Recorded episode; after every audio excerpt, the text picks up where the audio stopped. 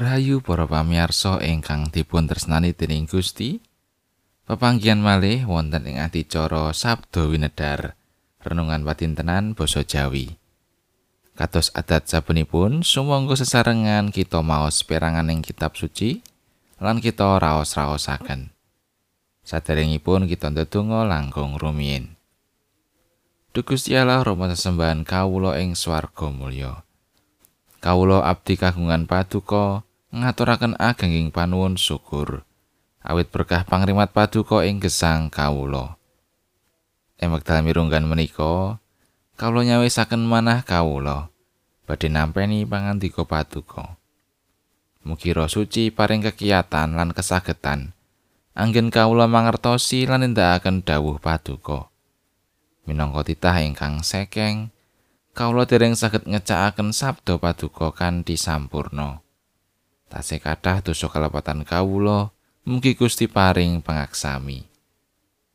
Wonten ing asmanipun Gusti kawula Gusti Yesus Kristus, juru wilujeng kawula ingkang gesang. Amin. Waosan kapendet saking Injil Markus bab 8 ayat sekawan welas ngantos selikur. Nalika semono para sekabat lali ora sangu roti. Mung ana roti siji ing prau kono. Gusti Yesus banjur ngangetake marang para sekabate pangandikane. Padha sing awas. Padha ngwekanana ragine wong Farisi lan ragine Raja Herodes. Para sekabat banjur padha rerasanan. Anggone ngendika mangkono iku marga aku padha ra roti. Bareng Gusti Yesus mirsa rasane iku banjur ngendika.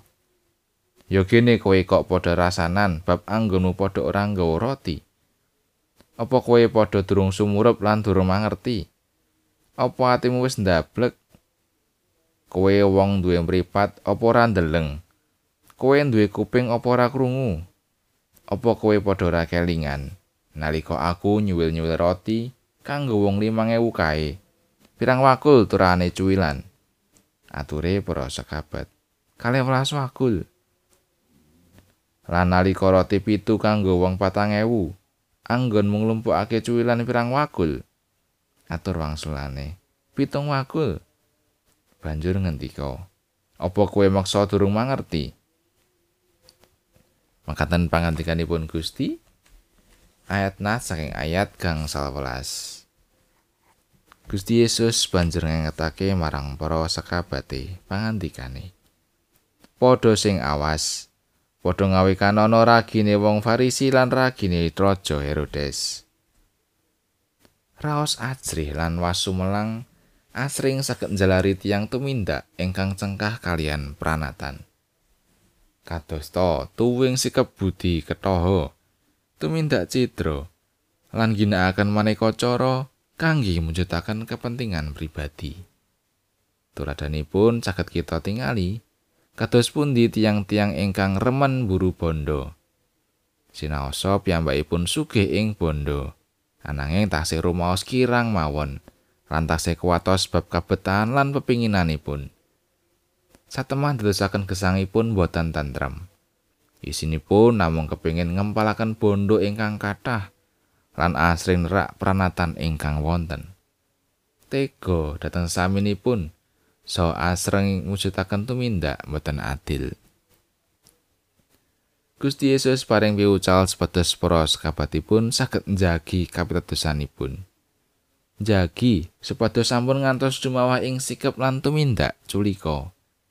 Kadosta karep ing bondo menapa dening ngantos tuwuh sikap budi ketoho.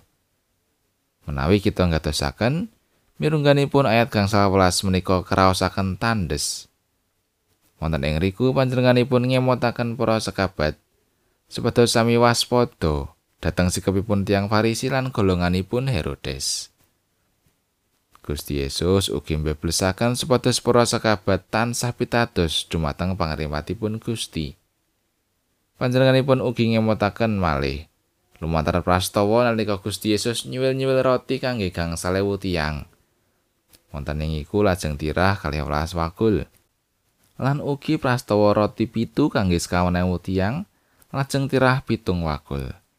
ayat 19 ngantos selikur.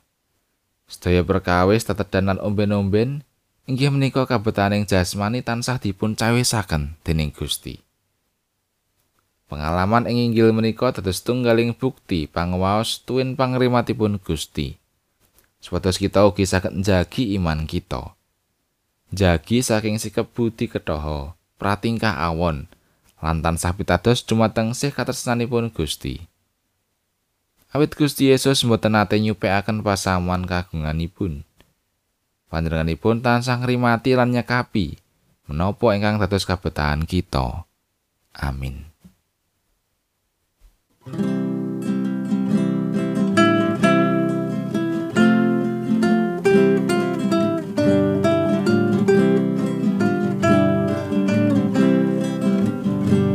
Gabyar si Gusti nimbali wong kamomotan. Marekolan buka ati nampi pangluaran. Kulo ngayo maring Gusti demikian ayam sejati awet tansa pinerkaan sinum kararjan